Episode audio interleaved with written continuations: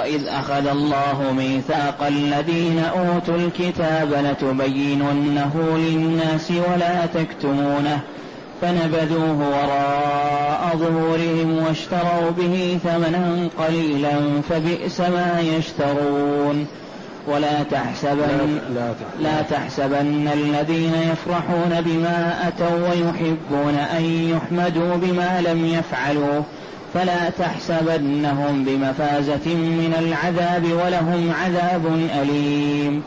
ولله ملك السماوات والأرض والله على كل شيء قدير.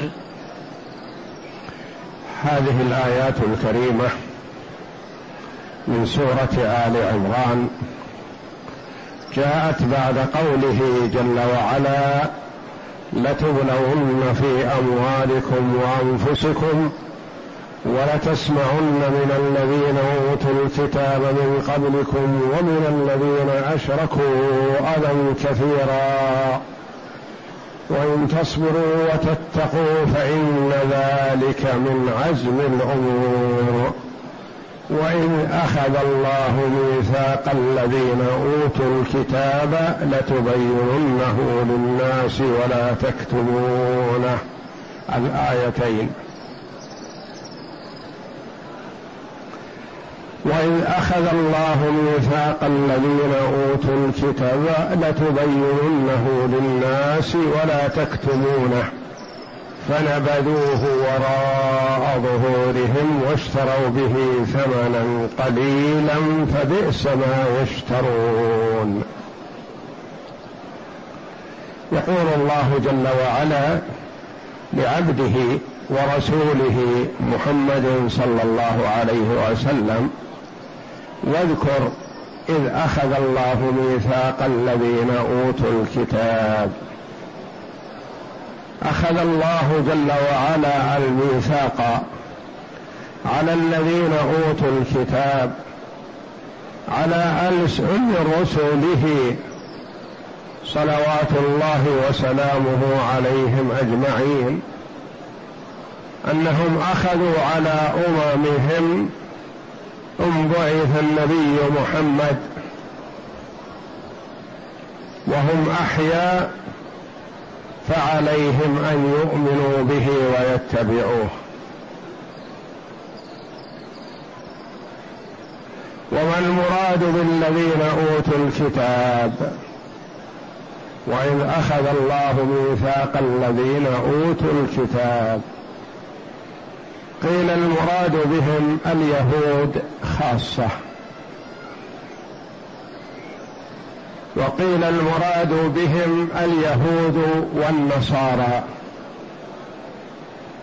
وقيل المراد بهم كل من أوتي علم. فعليه أن يظهر علمه ويبينه للناس.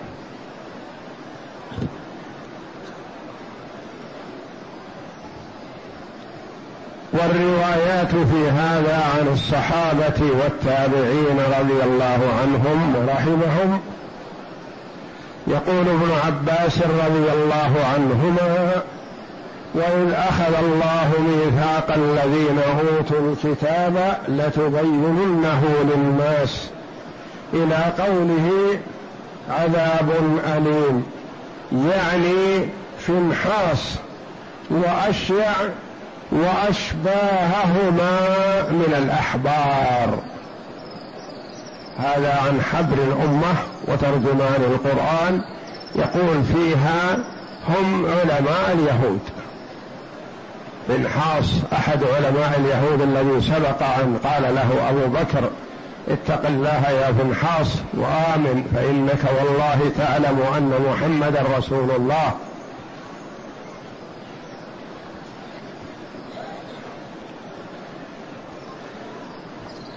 وروي عن ابن عباس رضي الله عنهما في قوله وإذ أخذ الله ميثاق الذين أوتوا الكتاب لتبيننه للناس قال كان أمرهم أن يتبعوا النبي الأمي الذي يؤمن بالله وكلماته وقال واتبعوه لعلكم تهتدون فلما بعث الله محمدا صلى الله عليه وسلم قال وأوفوا بعهدي أوف بعهدكم. عاهدهم على ذلك فقال حين بعث محمد صلى الله عليه وسلم صدقوه وتلقون عندي الذي أحببتم. آمنوا به. ولكم الثواب عندي.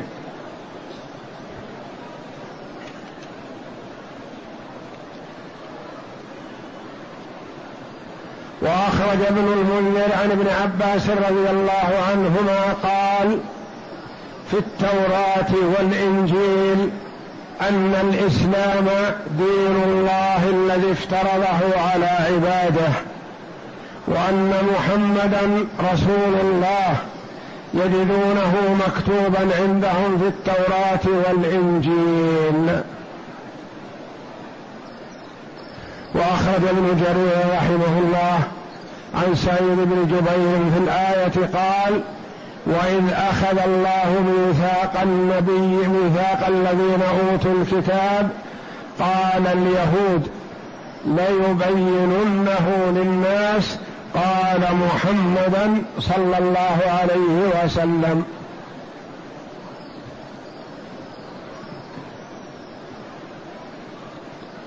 وجاء عن قتادة رضي الله رحمه الله في الآية قال هذا ميثاق أخذه الله على أهل العلم.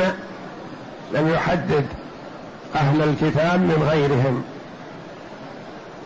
هذا ميثاق أخذه الله على أهل العلم فمن علم علما فليعلمه الناس. وإياكم وكتمان العلم فإن كتمان العلم هلكه ولا يتكلفن رجل ما لا علم له به. فيخرج من دين الله فيكون من المتكلفين كان يقال مثل علم لا يقال به كمثل كنز لا ينتفع به. ومثل حكمة لا تخرج كمثل صنم قائم لا يأكل ولا يشرب. وكان يقال في الحكمة طوبى لعالم ناطق وطوبى لمستمع واع هذا رجل علم علما فعلمه وبذله ودعا إليه ورجل سمع خيرا فحفظه ورعاه وانتفع به. هذا الذي يروى عن قتادة رحمه الله أحد سادات التابعين.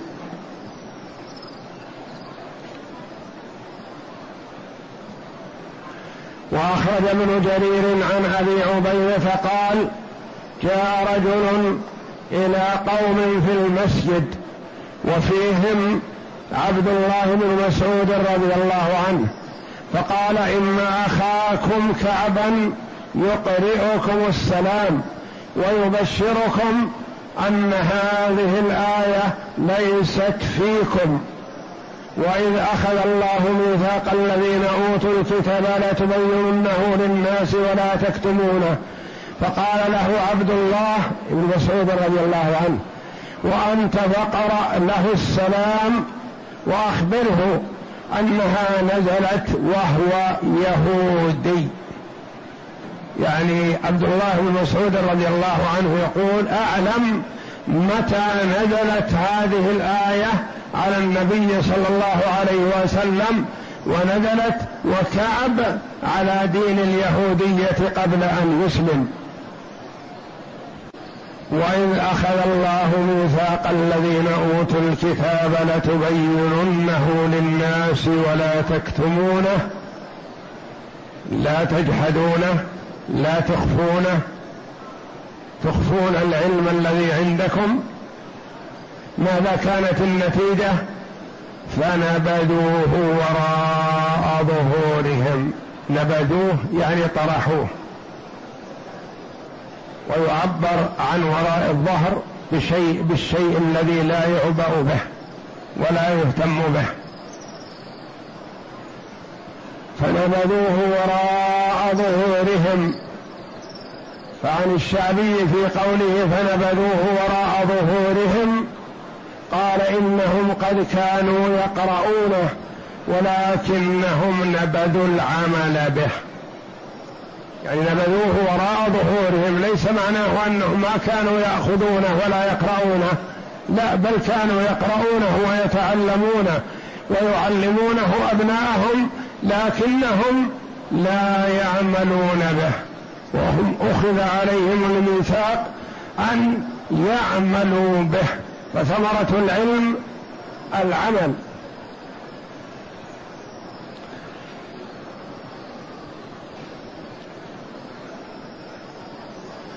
واشتروا به ثمنا قليلا أخذوا طمعا وكتموا اسم محمد صلى الله عليه وسلم. يعني جحدوا ما عندهم من العلم بصفة محمد صلى الله عليه وسلم ليستمر لهم العطاء الذي يأخذونه من حطام الدنيا. فبئس ما يشترون. بئس العمل الذي عملوه وهو أخذ الحطام وكتم العلم. أخذوا الحطام آثروه وكتموا العلم الذي عندهم عن محمد صلى الله عليه وسلم بئس ما فعلوا. فبئس ما يشترون.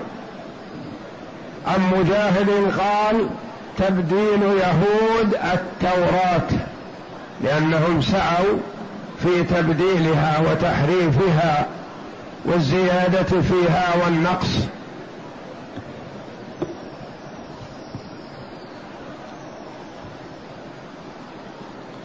وأخرج ابن سعد عن الحسن البصري رحمه الله قال لولا الميثاق الذي أخذه الله على أهل العلم ما حدثتكم بكثير مما تسألون عنه.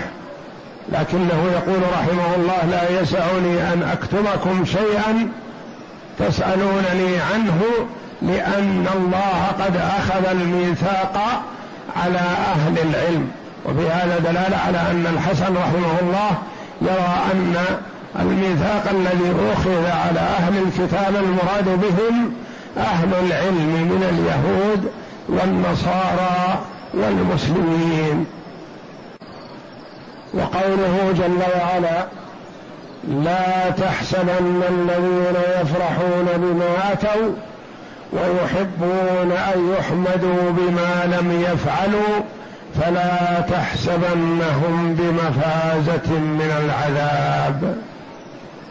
لا تحسبن الذين يفرحون بما آتوا يعني ما عملوه مما هو خلاف ما في الكتب وموهوه على الناس أو على محمد صلى الله عليه وسلم أو على عامتهم ثم يسرون بهذا ويظنون أنهم فازوا وأنهم حصلوا على مرادهم لا تحسبنهم بمنأ من العذاب بل هم واقعون في العذاب لا محالة.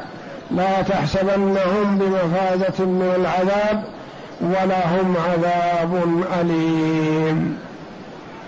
في من نزلت هذه؟ قيل في اليهود وقيل في المنافقين.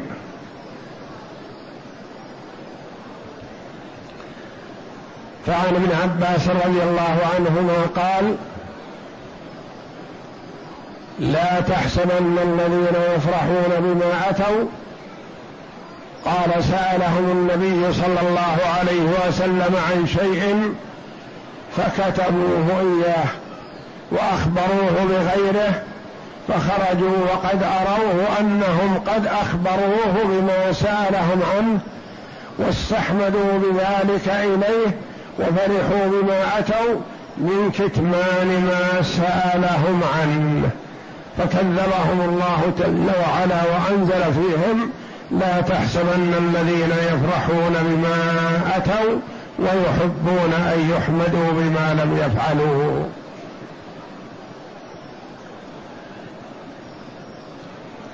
وأخرج البخاري ومسلم وغيرهما عن أبي سعيد الخدري رضي الله عنه أن رجالا من المنافقين كانوا إذا خرج رسول الله صلى الله عليه وسلم إلى الغزو تخلفوا عنه وفرحوا بمقعدهم خلاف رسول الله صلى الله عليه وسلم.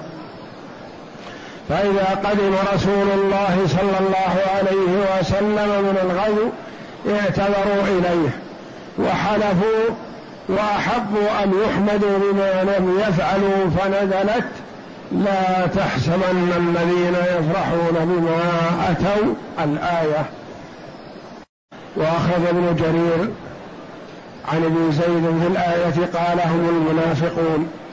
يقولون للنبي صلى الله عليه وسلم لو قد خرجت خرجنا معك. فإذا خرج النبي صلى الله عليه وسلم تخلفوا وكذبوا ويفرحون بذلك ويرون أنهم أنها حيلة احتالوها. وأخرج ابن جرير رحمه الله عن ابن عباس رضي الله عنهما في الآية قال هم أهل الكتاب. أنزل عليهم الكتاب فحكموا بغير الحق وحرفوا الكلم عن مواضعه وفرحوا بذلك واحبوا أن يحمدوا بما لم يفعلوا فرحوا أنهم كفروا بمحمد صلى الله عليه وسلم وما أنزل إليه وهم يزعمون أنهم يعبدون الله ويصومون ويصلون ويطيعون الله.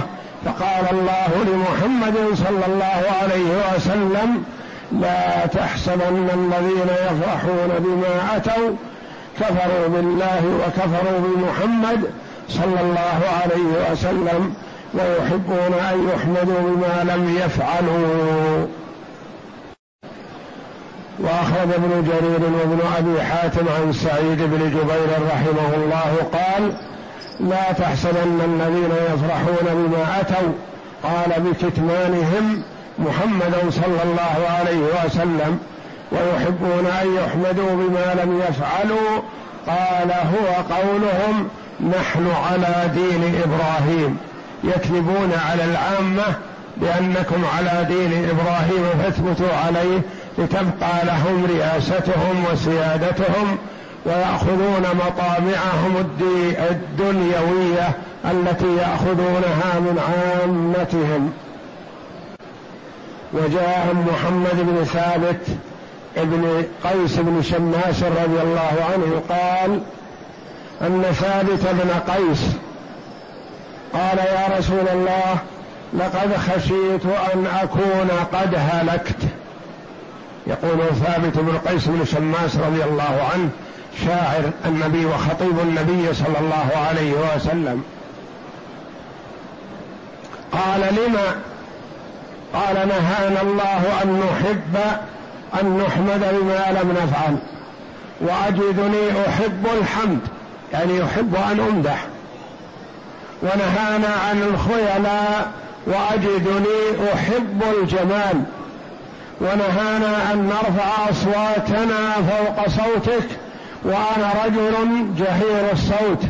فقال يا ثابت ألا ترضى أن تعيش حميدا وتقتل شهيدا وتدخل الجنة؟ وهذه شهادة من النبي صلى الله عليه وسلم. لثابت بن قيس بن شماس رضي الله عنه بدخول الجنة. وكان الصحابة رضي الله عنهم يزدرون أنفسهم ويحتقرون أعمالهم ويخافون على أنفسهم. فلما نزل قوله جل وعلا يا أيها الذين آمنوا لا ترفعوا أصواتكم فوق صوت النبي ولا تجهروا له بالقول كجهر بعضكم لبعض الآية.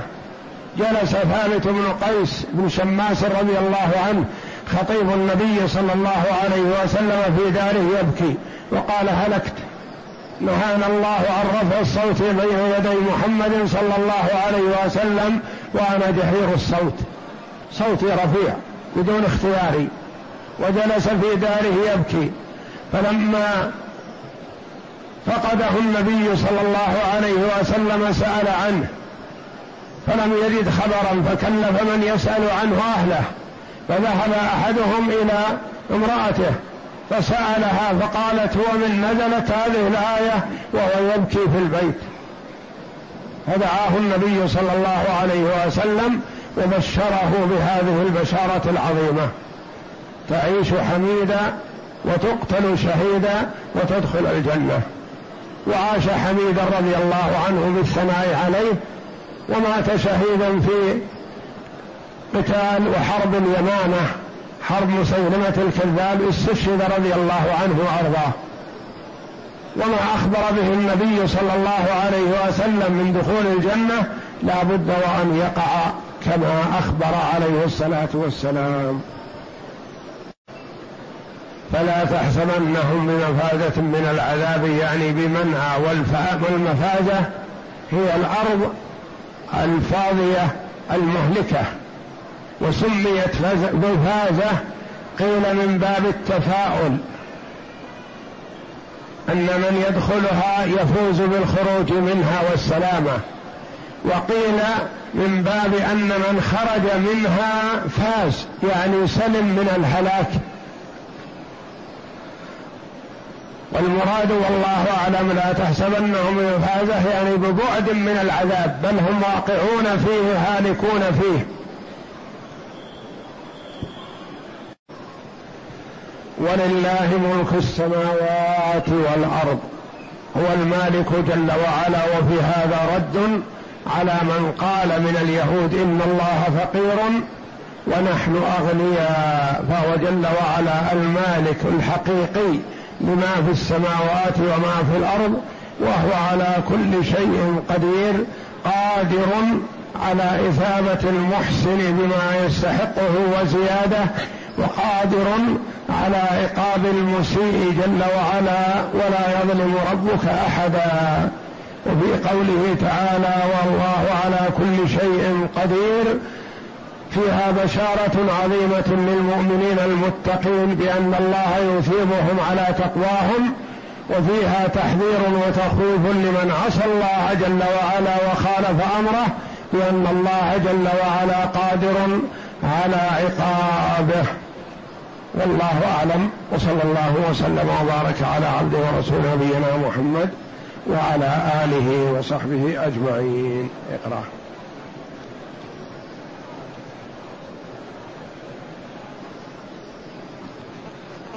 هذا توبيخ من الله وتهديد لأهل الكتاب الذين أخذ الله عليهم العهد على ألسنة الأنبياء أن يؤمنوا بمحمد صلى الله عليه وسلم وأن ينوهوا بذكره في الناس فيكونوا على أهبة من أمره فإذا أرسله الله تتابعوه فكتموا ذلك وتعرض وتعرضوا عما وعدوا عليه من الخير في الدنيا والآخرة.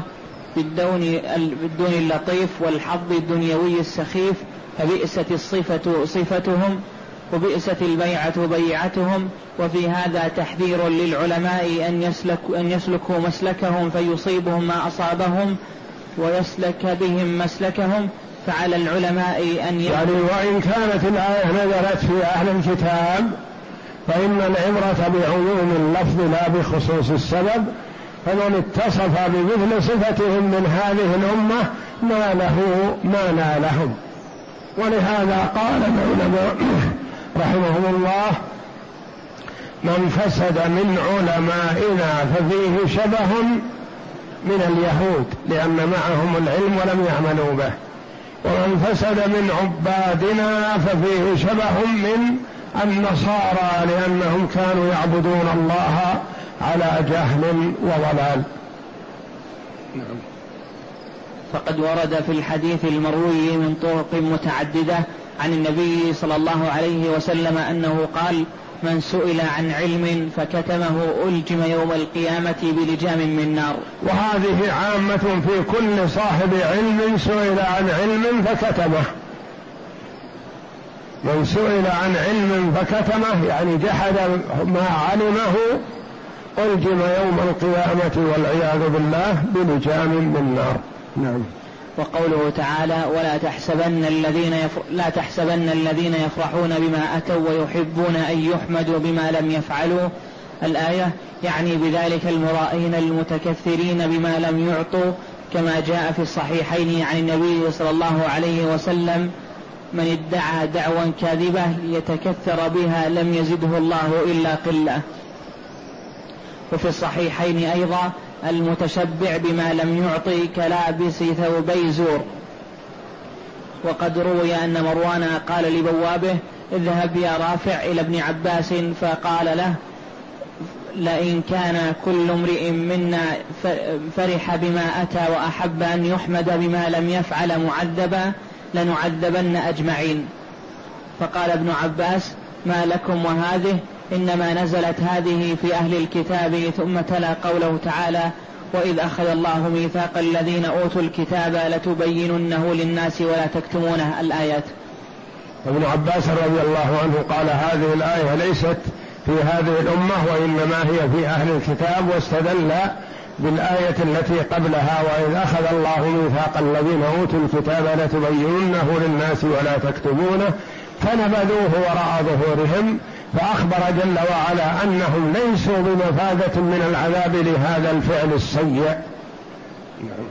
وقال ابن عباس سألهم النبي صلى الله عليه وسلم عن شيء فكتموه وأخبروه بغيره فخر فخرجوا وقد رأوه وقد فخرجوا قد أروه أنه أن قد أخبروه بما سألهم عنه واستحمدوا بذلك إليه وفرحوا بما أتوا من كتمانهم ما سألهم عنه وفي رواية عن أبي سعيد الخدري. يعني أنهم دعاهم النبي صلى الله عليه وسلم أو جاءوا إليه فسألهم النبي صلى الله عليه وسلم عن شيء ما فأخفوا ما عندهم من العلم الحقيقي وقالوا شيئا كذب وزور.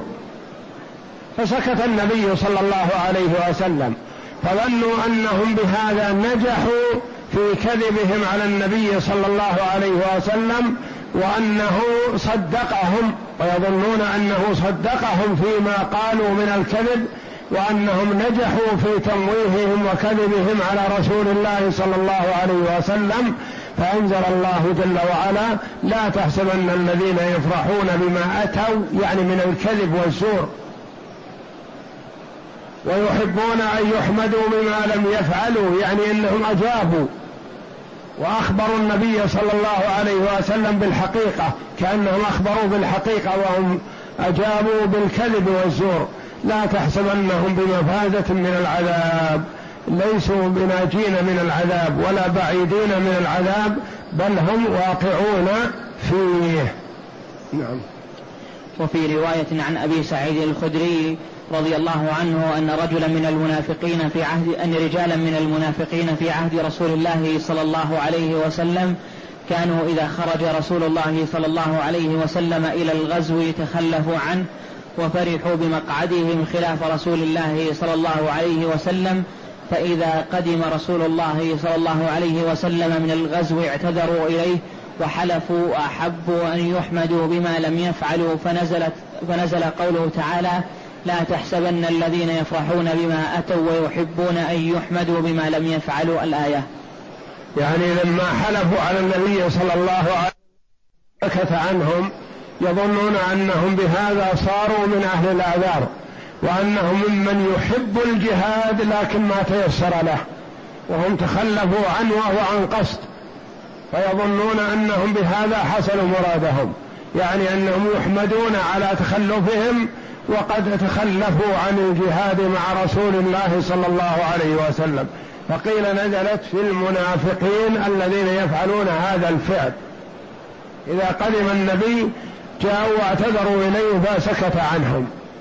وظنوا أنهم بهذا حصلوا على أوسمة الجهاد لكنهم تخلفوا العذر ولا تحسبنهم بمفازة من العذاب. والعبرة بعموم اللفظ لا بخصوص السبب فهي تصلح أن تكون في الرد على أهل الكتاب الذين كتموا العلم وعلى وعلى النصارى من أهل الكتاب وعلى المنافقين الذين كذبوا على النبي صلى الله عليه وسلم في رغبتهم في الجهاد ولكنهم تخلفوا للعذر ويحلفون على ذلك فكذبهم الله جل وعلا. نعم. وقد روى ابن مردويه عن محمد بن ثابت الأنصاري أن ثابت بن قيس الأنصاري قال يا رسول الله والله لقد خشيت أن أكون هلكت. قال لما؟ قال نهى الله, نهى الله المرأة أن يحب أن يحمد بما لم يفعل وأجدني أحب المد الحمد. ونهى يعني أحب أن يثنى علي ما أحب الذنب. نعم. ونهى الله عن الخيلاء وأجدني أحب الجمال. يحب الجمال كما قال الصحابي الآخر للنبي صلى الله عليه وسلم لما قال قال صلى الله عليه وسلم في الكبر وحذر منه قال الرجل يكون يحب أن يكون ثوبه حسنا ونعله حسنا.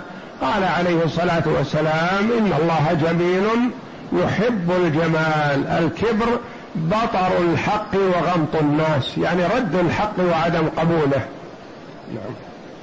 ونهى الله أن نرفع أصواتنا فوق صوتك وأنا امرؤ جهير الصوت. فقال رسول جهير الصوت يعني رفيع الصوت بدون اختياره يعني تعود على رفع صوته رضي الله عنه. فقال رسول الله صلى الله عليه وسلم أما ترضى أن تعيش حميدا وتقتل شهيدا وتدخل الجنة؟ فقال بلى يا رسول الله فعاش حميدا وقتل شهيدا يوم, مسلمة يوم مسيلمة الكذاب. وقول الله تعالى فلا تحسبنهم بمفازة من العذاب أي لا تحسب أنهم ناجون من العذاب بل لا بد لهم منه. ولهذا قال تعالى ولهم عذاب أليم. ثم قال تعالى ولله ملك السماوات والأرض والله على كل شيء قدير. أي هو مالك كل شيء والقادر على كل شيء فلا يعجزه شيء فهابوه ولا تخالفوه واحذروا غضبه ونقمته فإنه العظيم الذي لا أعظم منه القدير الذي لا أقدر منه. فيها البشارة والنذارة فيها الرجاء والتخويف. البشارة للمؤمنين و والتخويف والتحذير للكفار والمنافقين والفجار. والله أعلم. وصلى الله وسلم وبارك على عبد ورسول نبينا محمد وعلى آله وصحبه أجمعين.